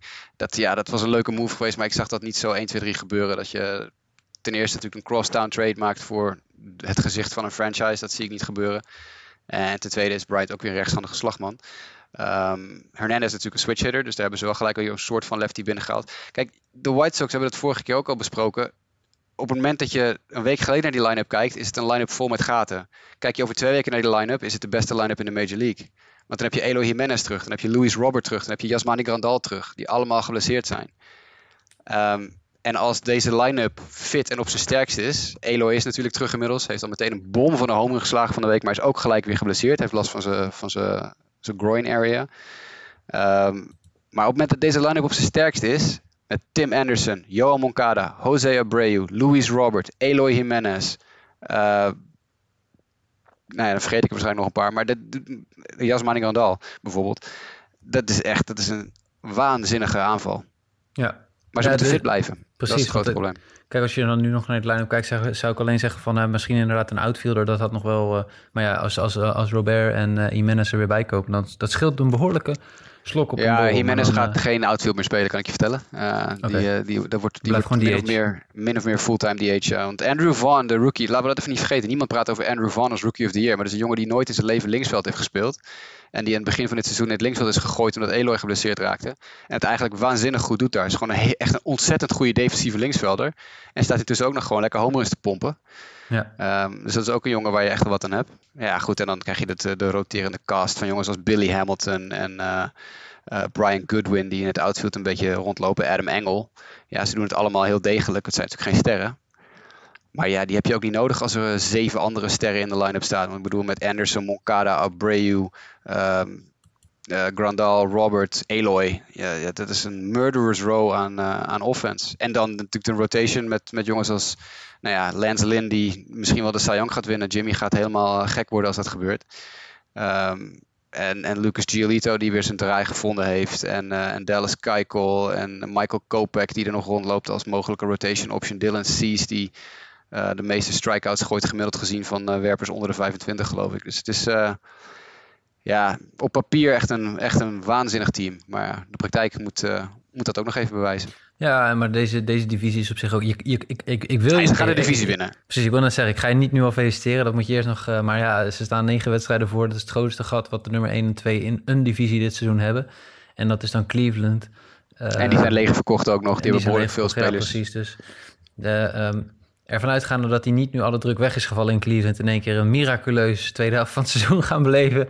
Uh, gaan de White Sox gewoon de playoffs in. En dan is het gewoon inderdaad, dan hebben ze een sterk team om, om voor de dag te komen. We zijn bijna, bijna, denk ik wel, door de trades heen. We hebben nog even drie teams die we echt nog even onder, het, onder de loop nemen. En dan beginnen we even bij de NL East. Want daar hebben we nog de Atlanta Braves. En die hebben ook fors getrade. Dat was zo in de vorige episode het geval dat we al twee trades van hun te melden hadden. Uh, maar die hebben eigenlijk een compleet nieuw outfield besteld, toch? Zeg ik dat ja. goed? Ja, nee, dat is Adam zeker Duval. waar. Ja, Adam Duval kwam over van de Miami Marlins voor Alex Jackson. Dat is de... Ja, de- een heel, vind ik een heel goede trade. Eh, ik vind Adam Duval als een ondergewaardeerde speler in de Major League. Eh, het is natuurlijk geen superster, maar het is ook een jongen van wie de Braves weten wat ze aan hem hebben. Want hij heeft al bij Atlanta gespeeld. Hij heeft ze vorig jaar in de playoffs heel goed geholpen. Precies, ja. Uh, dit is een heel goede trade. Alex Jackson is een jongen die al een keer eerder in een trade naar Atlanta is gehaald. Voormalig first round pick, echt top 10 pick in de draft, waar nooit wat van terechtgekomen is. Um, Maar wel een jongen waar nog eventueel misschien wat talent in zit. Dus Miami zou daar nog wat mee kunnen doen. Maar Adam Duval, top, top op ik uh, momentje voor de Braves. Goede, goede keus. En dan kwam ook nog Eddie Rosario over van de Cleveland Indians. En in ja, hem uh, terug uh, Pablo Sandoval. Salaris, salarisdump van de Indians, want ze hebben Sandoval meteen gereleased. Zodra hij binnen was, hebben ze hem gereleased. Dus dat is een salarisdump geweest van de Cleveland Indians. En best wel verrassend nog wel, Jorge Soler kwam over van de Kansas City Royals in rouw voor Casey Kalich. Ja, die kwam na de, volgens mij na de deadline nog binnen. Want dat mag nog, hè, als je trades uh, nog niet aangekondigd hebt. Maar ze zijn wel gecompleteerd voor de deadline. Dan mag je ze daarna nog aankondigen. Als de dus, uh, binnen is gekomen. Ja, precies. uh, Casey Kalich, de minor leaguer die de andere kant op gaat. Maar ja, Soler natuurlijk veel power. vind ik wel een speler die een beetje... Het is een beetje Marcel Ozuna light. En natuurlijk de Braves hebben geen Ozuna. Die overigens het schijnt dat de Chargers gedropt zijn tegen Ozuna. Dus ik denk niet dat hij terugkomt, maar het zou in theorie kunnen. Want hij is dus niet meer zo zwaar in de problemen als hij uh, hiervoor zat over het in elkaar slaan van zijn uh, vrouw of vriendin. Maar Soler is ook een beetje Marcel Ozuna light. Dus uh, dan heb je daar degelijke, degelijke speler bij. Gewoon een heel nieuw outfield. En de Inciarte hebben ze gereleased, dus die is weg. Dus ja, heel nieuw gezicht. heel, heel nieuwe voorraad gezichten in, in het outfield bij. En nog een hele goede bullpen-arm hebben ze erbij van de Pittsburgh Pirates. Richard Rodriguez kwam over. In voor Bryce Wilson en Ricky DeVito. Ja. ja, Bryce Wilson is wel een voormalig uh, bekend prospect bij de Braves. Dus dat is nog wel een stevige, uh, echt, een, echt een naam waarvan je denkt, nou, die jongen die kennen we wel. Uh, maar ja, Richard Rodriguez is natuurlijk weliswaar 31, maar spotgoedkoop. Want heeft ja, pas veel laat in zijn carrière is hij doorgebroken. Is wel één kanttekening bij Richard Rodriguez. Sinds het sticky stuff uh, crackdown van MLB is Rodriguez beduidend minder goed dan daarvoor. Maar echt ook beduidend minder goed. Um, dus dat is even een klein beetje iets om je één oogje op te houden. Maar eh, ik wilde heel graag dat Rodriguez naar de White Sox zou gaan. Want ik vind Rodriguez een, gewoon een heel goede pitcher. Uh, opvallend is natuurlijk dat de Braves wel al een closer hebben. En Rodriguez dus waarschijnlijk een setup man gaat worden voor Atlanta. Um, maar dat is een, daar heb je een heel goede setup man. Maar Atlanta is ook wel redelijk gericht geweest om uh, te kijken naar versterkingen. En ook gewoon flink bezig geweest om uh, terug te komen. Ja, ze zitten nog volop in de race. Hè. We, de Mets staan Zeker, bovenaan ja. met uh, 54 winst en 48 verliespartijen. Op 3,5 wedstrijd achterstand staan de Philadelphia Phillies. En op vier wedstrijden staan de Atlanta Braves. Dus ze zitten nog volop in die race voor, de, voor de NL East.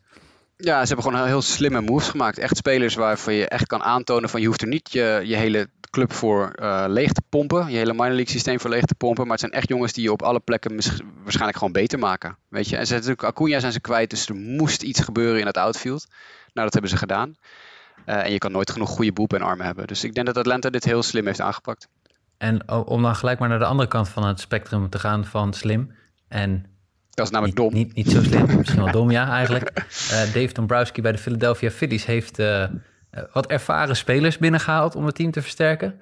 Uh, Freddie Galvis is, is binnengekomen vanuit, vanuit Baltimore. En verder kwamen over Ian Kennedy en Kyle Gibson. En Hans Kraus, een werper. maar met name die, die andere werpers, Kyle Gibson en Ian Kennedy, waren natuurlijk wat meer de centerpieces in die deal. Um, die kwamen over van de Texas Rangers. En in ruil daarvoor gingen Spencer Howard, Kevin Gowdy en Josh Kessner over naar Texas. Tja, Freddie Galvis, Ian Kennedy, Kyle Gibson. Ja, we, kennen allemaal Dave Dombrowski. Ik zei het op Twitter gisteren ook al. Het werd beaamd door meerdere andere Nederlandse honkbalfans. En ook Jimmy heeft het natuurlijk, onze resident Phillies fan, heeft, uh, zat ook alweer hoofdschuddend uh, voor zijn telefoon, denk ik. Dombrowski, dit is wat Dombrowski doet. Hè? Die verkoopt zijn hele minor league systeem leeg voor spelers die, eigenlijk, uh, die er niet zo heel erg veel toe doen. Uh, op hele inopportune momenten. Uh, en voor je het weet heb je helemaal geen minor league systeem meer. Hij heeft de Marlins uitgehold. Hij heeft de Tigers uitgehold. Hij heeft de Red Sox uitgehold. En heeft eigenlijk nooit iets gehad om. ja, volgens mij heeft hij bij de Red Sox één titel gepakt. Maar voor de rest heeft hij nooit iets daadwerkelijk concreets in handen gehad. Waar je beter van wordt.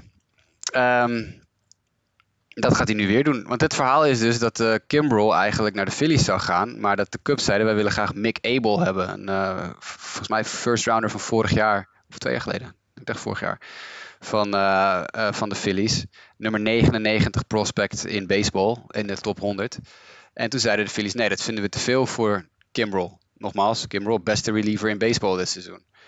En vervolgens sturen ze Spencer Howard, die de nummer 27 in de top 100 is Ja, ja, ze willen dus niet de nummer 99 kwijt voor Gimbrel, maar ze willen wel de nummer 27 kwijt voor Kyle fucking Gibson en Ian Kennedy. Nou, Ian Kennedy is ook al 100. Ja. Kyle Gibson gooit heel aardig dit jaar hoor, laten we dat uh, vooropstellen. Het is een werper natuurlijk waarvan veel gepraat werd, waarover veel gepraat werd van, nou ja, hij moet naar ergens anders naartoe. En er, als er eentje slim zijn, traden ze hem. Uh, dat hebben ze dus ook gedaan. Maar laten we vooropstellen dat Kyle Gibson met veel minder dan een strikeout per inning, gooit nog geen, geen strikeout per inning, uh, krijgt redelijk veel uh, hits tegen. Ik bedoel, hij krijgt evenveel hits tegen als dat hij strikeouts gooit. Hij heeft 113 innings gegooid dit jaar. Hij heeft 94 strikeout, 92 hits tegen. Dus hij heeft een 1 op, ongeveer 1 op 1 strikeout to hit ratio. Ja, dat, word je, dat is niet heel, niet heel goed of zo. Ik bedoel, hij heeft een 7,5 K per 9. Nou, dat, alles onder de 10 is eigenlijk gewoon ondergemiddeld. Want tegenwoordig uh, moet je echt wel een, een 10 K per 9 hebben om een beetje mee te doen in de top. Dus het is een degelijke werper, maar het is niet dat je denkt van wow, dit is een waanzinnige uh, toevoeging. Ook al 33 jaar oud, weet je wel. Ja. En dan ga je dan je nummer 27 overall prospect in baseball, Spencer Howard, een van de top pitching prospects in baseball, voor weggeven. Ik zit hoofdschuddend weer voor mijn computer hier. Dit is echt, uh, nou, het is heel, heel schokkend weer. Tja, ja, maar ik vind ook zo, ja, goed. Uh, misschien zijn mensen heel erg gecharmeerd van Freddy Galvis en stoot ik die nu tegen het uh, zere been aan, maar ja, kijk, ja. is natuurlijk ex-Philly. Ze, ze, kennen hem goed. Het is een populaire speler in Philadelphia. Jimmy was daar ook nog wel over te spreken, heb ik begrepen. Uh, en daar hebben ze niet zo heel veel, uh, volgens mij echt niks van waarde over uh, hoeven over te maken naar Baltimore. maar is dit team beter geworden? Nee, ik, nou, absoluut niet. Nee, absoluut echt marginaal niet. misschien. Maar ja, ik vind het inderdaad ook dat ik denk van ja, maak trades om je team echt beter te maken. En ik denk dat met deze deals ja, het team gewoon echt niet heel veel beter is geworden. Ik denk echt dat Atlanta hier in uh, uh, Philadelphia zometeen voorbij uh, gaat. We, we, hebben het al jaren over hoe ontzettend slecht de bullpen in Philadelphia is. Het is ja. historisch, de, een, wat is de laatste vijf jaar, historisch slechte reeks van de Philadelphia Phillies bullpen. En dan heb je de kans om de beste reliever in baseball aan je aan je uh, toe te voegen. Waardoor je echt een signaal afgeeft aan je concurrentie van... hey, vergeet ons even niet. Maar dan wil je niet met de nummer 99 uit de top 100. Een jongen die nog over vijf jaar pas misschien in de major staat. Ja, waar ben je dan mee bezig? Dan ga je Kyle Gibson halen voor je rotation. Natuurlijk, die rotation is ook ruk. Maar Kyle Gibson is hem ook een marginale verbetering hoor. Ja. Nee, dus... Uh... Nou goed, uh, uh, alle teams hebben wel wat gedaan in de NL East bovenin. Zowel de Mets, de Phillies als, als de Braves. maar we gaan zo meteen nog even het hebben over wie vind je nou de winnaars en verliezers in zijn algemene zin. We hebben nog één team te gaan. Dat is de koploper in de NL Central. Dat zijn de Milwaukee Brewers. Uh, die zijn ook bezig geweest. Die hebben gehaald Eduardo Escobar van de Arizona Diamondbacks, derde honkman. In ruil voor Cooper Hummel en Alberto Ciprian. Um, verder is linkshandige werper Daniel Norris overgekomen van de Detroit Tigers. In ruil voor minor league werper Reese Olsen. En de club voegde ook nog toe John Curtis, de reliever. Uh, die kwam over van de Miami Marlins in ruil voor catcher Peyton Henry. Nou, top, ook niet echt... top deadline. Ja? Ja, supergoed. Milwaukee Brewers staan gewoon bovenaan. Hè? Die, hoeven, ja. die hoeven geen ster te halen. Ze staan behoorlijk stevig, solide vooraan. Uh, ik ja. geloof negen wedstrijden of zo voor op de Cardinals die derde staan. Uh, de kans dat de Brewers de playoffs gaan halen is gewoon heel groot. Dat team doet het gewoon heel goed. Hebben een goede rotation. Uh, spelers, uh, de, de, offense staat goed te spelen. Nou ja, goed, Jelic net weer COVID. Dus dat is even vervelend. Die zijn ze even kwijt. Maar over de, over de hele linie staat dit team gewoon heel goed honkbal te spelen. Je hebt dus geen waanzinnige moves nodig om zo meteen de playoffs te halen. Maar je hebt moves nodig die over de hele breedte je team beter maken. Eduardo Escobar maakt dit team de komende vier maanden beter. beter. Ja. Daniel Norris maakt deze bullpen beter misschien niet waanzinnig veel beter, maar het geeft je een lefty in, een boel, in de bullpen die, waar, waar je niet super bang voor hoeft te zijn als hij op de heuvel staat. Klopt. Het is een jongen die gewoon degelijk, degelijk gooit. Hetzelfde gaat voor John Curtis. John Curtis vind ik echt een ondergewaardeerde uh, pick-up ook. Het is gewoon een goede reliever. Ze hebben gewoon twee sterke relievers toegevoegd aan een bullpen. Ze hebben een goede diepteplay gehaald in uh, Eduardo Escobar, die je in het hele infield kwijt kunt. Nou, ze hebben natuurlijk al eerder dit seizoen Willy Adames gehaald. Die staat hartstikke goed te spelen. Echt ontzettend goed te spelen. Die is echt aan een breakout jaar bezig. Gewoon een sneaky breakout jaar. We praten niet genoeg over Willy Adames. Uh, Brewers top, top deadline. Prima gedaan. Ja, uh, oké. Nee, dat... Uh, ze staan op dit moment uh, zeven wedstrijden voor op de, op de Cincinnati Reds en dus 9,5 op de, op de Cardinals. Op zich sowieso wel boeiend om uh, binnenkort weer eens een podcastje stil te gaan staan bij de standen en hoe we onze ja. voorspellingen hadden begin van het seizoen. Want je ziet toch wel nu tekening te komen in de stand. En onze voorspellingen waren hier en daar best wel off. Constateer ik in ieder geval voor mezelf. Ik weet niet hoe het voor oh, jou ja, zit. nee, uh, kijk naar de Cardinals voor mij. Dat waren mijn NL Central picks, dus dat is helemaal niks. Ja, uh, maar ik denk wel dat we door alle trades, nou lang niet door alle trades, misschien hebben we er een enkele gemist, maar de meeste hebben we wel even, even besproken. Als jij dan naar alles een beetje kijkt, hè, alle teams hebben een, een move gemaakt uh, vanuit de positie waarin ze zitten. Um, wie is voor jou de absolute winnaar? Welk team of welke teams uh, vind jij nou echt dat je zegt van, nou, die hebben het echt top gedaan? Daar, daar kan ik niks van zeggen. Uh, een paar winnaars. Uh, de Dodgers natuurlijk. Ja. ja. Ontkom je niet aan. Ik bedoel, je haalt Trey Turner, Max Scherzer uh, als headliner. daar ben je op dit moment gewoon veel beter van geworden. Dus de Dodgers absoluut een winnaar. de White Sox winnaar.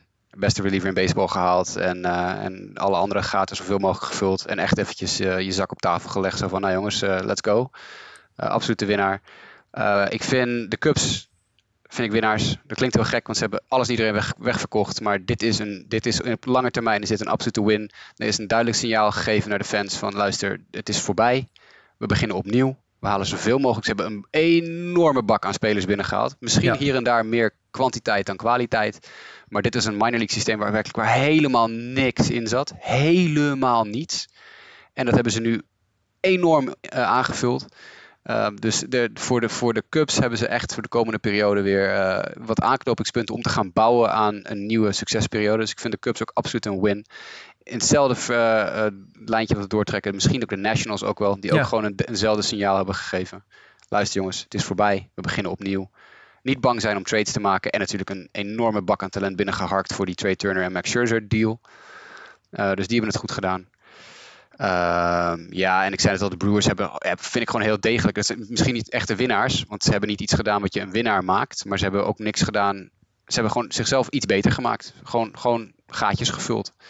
Dus dat, uh, ik denk dat dat vijf-ish winnaars zijn. Mag ik nog de Athletics toevoegen? Van mij mag je dat zeker doen. Ja. Oké, okay, ja, ik vind dat de Athletics nog wel, uh, toch met de trades die ze gemaakt hebben, hebben ze toch wel echt een aantal leuke spelers erbij gehaald voor het team waar het team echt beter op is geworden. Ja. Dus ik zie maar dan zou je zeggen dat misschien de Braves ook dat wel. Want dat, dat, ik Ja, vind de A's, precies. de. A's en de Braves heel vergelijkbaar in moves. Geen, geen headliner moves, maar wel heel slimme trades. ook geen fouten zeg maar gemaakt, laat ik het dan Precies, zo ja, zeggen. Het is ja. niet echt dat er ontzettende off-balanced eh, eh, eh, deals eh, zijn gemaakt. Eh, en als je nou kijkt naar de verliezers, ik heb je niemand horen noemen uit de AL East op zich volgens mij, maar ja, dat is op zich niet gek. Maar Uh, nee, ik vind de Yankees absoluut de verliezers in deze Ja. trade deadline. Uh, die hebben weer ontzettend veel uh, uitgegeven en zijn marginaal beter geworden. En eigenlijk voor helemaal geen reden, want de kans dat ze de playoffs halen is gewoon niet zo heel groot. Dus ik vind de Yankees misschien wel de grootste verliezer van het hele stel. Um, ik ben een beetje twijfelachtig over de Blue Jays. Want die hebben natuurlijk wel echt wat gedaan. Die hebben echt een poging gedaan om beter te worden. Maar ook een beetje net als de Yankees waarom en hoe en, en, en ten koste van wat. Weet je, um, maakt Barrios de Blue Jays nu beter? Ja. Is het genoeg? Nee. Waarom Ja. maak je de move dan? Ja. Als dit je enige move is, waarom is dit? Ja, ze hebben natuurlijk ook nog Brad Hand van de Nationals gehaald als, uh, als, als bullpen arm. Dat, dat, dat, weet je, dat, is, dat is niet genoeg. Ik heb een beetje heel erg een half-half-half gevoel bij de Blue Jays. En misschien ook wel bij de Yankees. Een, een, een uiterste poging om iets te doen in een situatie waarin je niet ideaal zit. En niet genoeg. Want dit is niet genoeg. Barrios is niet genoeg voor de Blue Jays. De moves die de Yankees hebben gemaakt is niet genoeg. Ze gaan het niet redden op deze manier. Um, dus ik zie, nu al, ik zie nu al enorm uit naar die uh, 22 en 1 reeks waar de Yankees vanaf volgende week uh, opgaan. En uh, over drie weken als ik terugkom van vakantie, dan staan ze bovenaan natuurlijk. Dat zul je altijd zien. Ja. Maar voor mij is dat niet genoeg. Um, Phillies ook absolute losers. Ja. Ja, en ik moet zeggen, eh, er zijn ook nog een paar passieve teams geweest die benoemen waard zijn. En dan gaat het vooral natuurlijk over de Colorado Rockies. We kunnen niet ja, oh, zeker, belichten ja. dat, of niet, niet, niet, niet genoeg belichten dat Trevor Story confused is deze ochtend, deze dag. Dat hij niet geruild is. En dat, dat, dat, dat gevoel delen hij heeft zichzelf uit de line-up gehaald gisteravond. omdat ja. hij zo ontzettend pissed off was dat hij niet getrade was. Ja, dat is wel echt uh, bijzonder. Uh, het, het, uh, hoe ze in Colorado omgaan met sterren, zowel Arenado als, als dit. Ze zijn allebei, matcht dat gewoon niet goed met de, met de front office. oh, en dan wil ik daar ook nog even in dat verlengen daarvan de Seattle Mariners even benoemen. Ja. De rel rond Kendall Graveman. Precies, want ik denk net, oh ja, dat, was, dat, dat, dat hebben we nog even gemist. Maar ja, er was eerder in de week nog een trade gemaakt. Uh, ja, Kendall, Kendall Graveman natuurlijk de ster reliever dit seizoen van de Mariners. die, een team dat nog een soort van meedoet. Hè? Het is niet zo dat ze eruit liggen. Ze, hebben echt nog wel, ze moeten hard aan de bak, maar het is echt wel een, een team dat zo dusdanig goed draait dat je er zeggen van hé, hey, die kunnen al wel doen. En dan trade je je ster closer, reliever, naar de directe concurrent, de Houston Astros. Nou, dat, dat ging niet zo goed. Daar waren ze bij de Mariners. De spelers waren echt heel, heel mad. Heel mad. En uh, uh, ja, Graveman zelf ook. Uh, die was zelf ook niet heel gelukkig ermee. Dus die staat nou bij de Astros. Dan hebben ze Abraham Toro ervoor teruggekregen, de Mariners. En die slaat in één keer allerlei home runs. Dus misschien is dat ook nog wel, werkt het ook nog wel uit. Maar en vervolgens halen ze dan wel weer Diego Castillo als vervanger van Kendall Graveman. Dus het is niet zo dat ze er als team slechter van geworden zijn. Maar ik denk dat het voor je onderlinge verstandhouding tussen je front office en je roster niet zo best is als je een, een move maakt zoals Kendall Graveman naar je directe concurrent sturen. Tja, nee, het was, uh, het was zeker opzienbarend. Uh, om, het, uh, om het maar zo te zeggen. eigenlijk de Cincinnati Reds vrij rustig gebleven. Hè? Ja, maar die hoeven ook niet zo heel hard. Want Joey Votto is op dit moment de beste speler op aarde. Dus ja, dat nee, dus, ook weer. Los daarvan. Ja, los daarvan. Um, ja, ik, ik zou niet weten wat ze hadden moeten doen. Het team draait ook gewoon lekker. Misschien een pitcher moeten halen. Maar weet je, dat is, uh, ja, dat is wat het is. Ja. Nou, dan hebben we denk ik de, de meeste trades en alles wel uh, besproken. Dan zijn er nog drie sterren waar we heel kort even stil bij moeten staan. De ene is Jacob de Grom. Die is natuurlijk al enige tijd uit met wat uh, forearm issues. er is gebleken dat hij nog in ieder geval twee weken rust moet houden. Dus die zien we voorlopig nog even niet, niet terug. Uh, een andere blessure, dat is die van Fernando Tatis Jr., die toch echt wel serieuze schouderproblemen nog steeds heeft. Want daar is weinig aan gedaan, afgezien van uh, rust en uh, oefeningen. maar die is gisteren weer de wedstrijd verlaten met schou schouderklachten. Um, wat is de beste manier om hem fit te houden voor de playoffs op dit moment, Jasper? Ja, ik, ik, ik, zit mijn hoofd te schudden. Dit, we hebben natuurlijk veel eerder dit seizoen al gezegd, ze moeten hem ze moeten hem gewoon eventjes de kans geven om, om te healen. Of ze moeten nu een operatie doen en hem een paar maanden geven om daarvan te herstellen. Of ze moeten hem een week of zes vrijgeven in de hoop dat je dan bij kan. Maar nu is het te laat. Want nu zijn ze all in voor de playoffs. En moeten ze ook wel all in voor de playoffs met dit team. Uh, en nu kan, je hem, nu kan je hem niet meer. Als ze hem nu kwijtraken, dan is het seizoen voorbij voor de, voor de Padres. Terwijl als ze hem in eh, april of mei uh, zes weken rust hadden gegeven, hadden ze het misschien kunnen, uh, kunnen watertrappelen bovenin de divisie. Zeker met als je ziet hoe slecht de Dodgers het hebben gedaan een, een periode lang. Uh, nu is het te laat. Nu, nu moeten ze er doorheen pushen en loop je het risico dat je Tatis Jr. voor altijd kapot maakt. Ja. Ontzettende, ja, ontzettende miscalculatie van uh, de Padres. Ja, in het eerste seizoen van zijn hele lange, hele dure hele contract. Lange, hele lange, hele dure contract, ja. ja. Uh, en dan hebben we nog Trevor Bauer, die al enige tijd langs de kant zit, omdat er nog steeds onderzoek is naar de beschuldigingen aan zijn adres uh, rondom de affaire, of hoe moet je dat, ja, hoe moet je dit duiden? De, de mishandelingen uh, die hebben ja, plaatsgevonden bij hem thuis in de slaapkamer. Ja. ja. Uh, afgelopen week kwam er ook nog een artikel naar buiten waarin er ook weer tekstberichten van de dame in kwestie naar buiten zijn gekomen en richting mensen die zij dan weer kende. Die, die schetste mij in ieder geval het beeld dat ze ergens toch ook wel heel erg leuk vond hoe alles was met Trevor. Uh, ja, dat is wel een interessant punt inderdaad.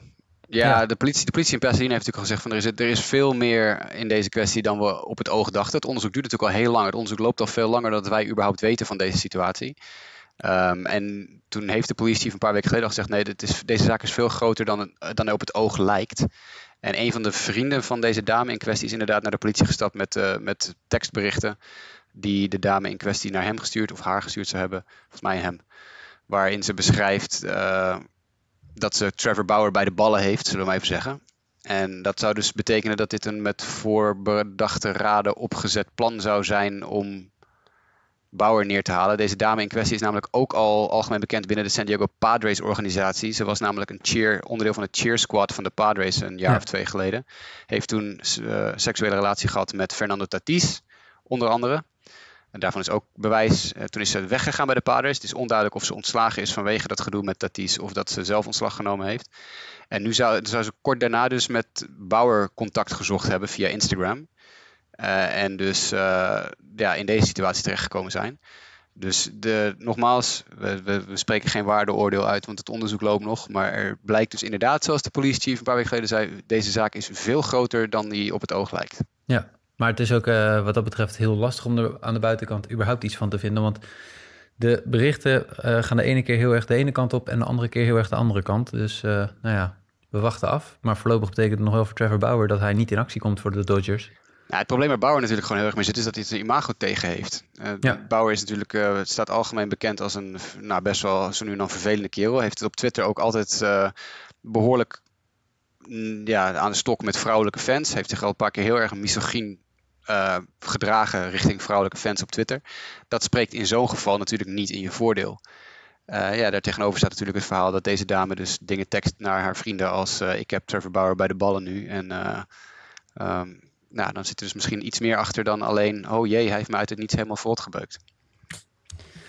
Dus ja, we wachten af wat hier dan verder uit gaat komen. Maar ja, het, als honkballiefhebber hoop je dat Trevor Bauer dan op dat er in ieder geval snel helderheid komt over de zaak. Maar dat dat nog zou kunnen betekenen dat Trevor gewoon nog dit seizoen in actie zou kunnen komen voor de Dodgers. Maar het is nou, ik hoop ook vooral dat, het voor, niet alleen voor hem, maar ook voor zijn team. Want er zijn al geluiden uit de Dodgers clubhouse dat de spelers hem gewoon niet terug willen hebben. Nee.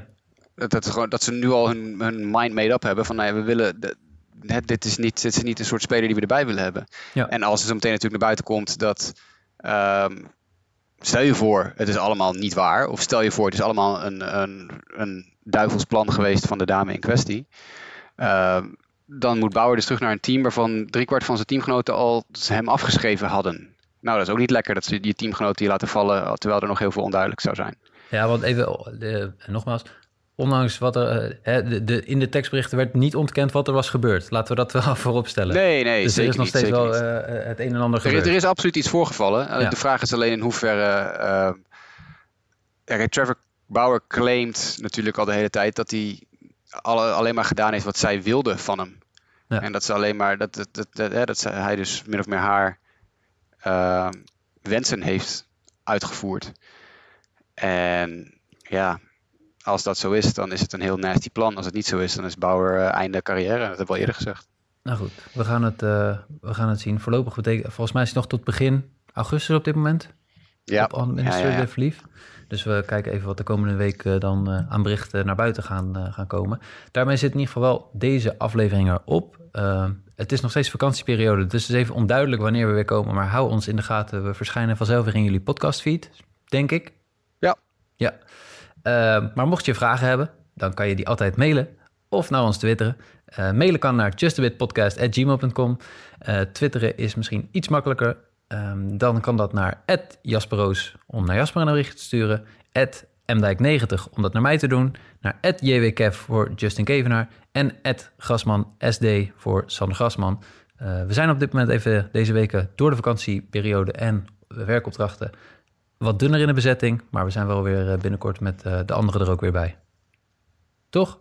Dat uh, hoop ik wel, ja. Vanuit. Ik hoop dat ja, uh, als de Olympische Spelen weer op hun einde lopen, dan zal Sander wat meer tijd hebben. En oh ja, Justin heeft natuurlijk uh, ontzettend veel. Het is goed voor hem. Heel veel opdrachten, heel veel filmdingen die hij moet doen. Maar ja, voor ons is het even wat, wat duo-achtig. Maar ik vind het heel gezellig om honkbal met jou te kletsen, Mike. Dus wat dat betreft. Net zo, net zo, net zo. En er is ook nog steeds honkbal op de Olympische Spelen. Vorige week was ja. het softbal wat we bespraken. Dat hadden we pas later door. Maar er is nu ook honkbal daadwerkelijk. ik geloof dat er nu de eerste wedstrijden gespeeld zijn. Um, ja, Amerika heeft uh, gewonnen al van Korea en Israël. En staan in de kwartfinale tegen Japan straks.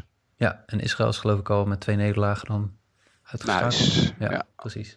Maar Ryan Lavarnway wel degene met de meeste home runs op dit ja, moment. En Nick Allen sloeg ook echt een bom uit vandaag tegen Korea. Dus dat is wel leuk. Dus um, daarmee zit deze aflevering erop. Jullie zijn weer bij met betrekking tot de trades en de teams. Um, ja, ja ik ga vakantie houden. Precies. Geniet van je vakantie. En uh, wij spreken elkaar weer de volgende keer. Yes, sir. En luisteraars ook. Tot ziens.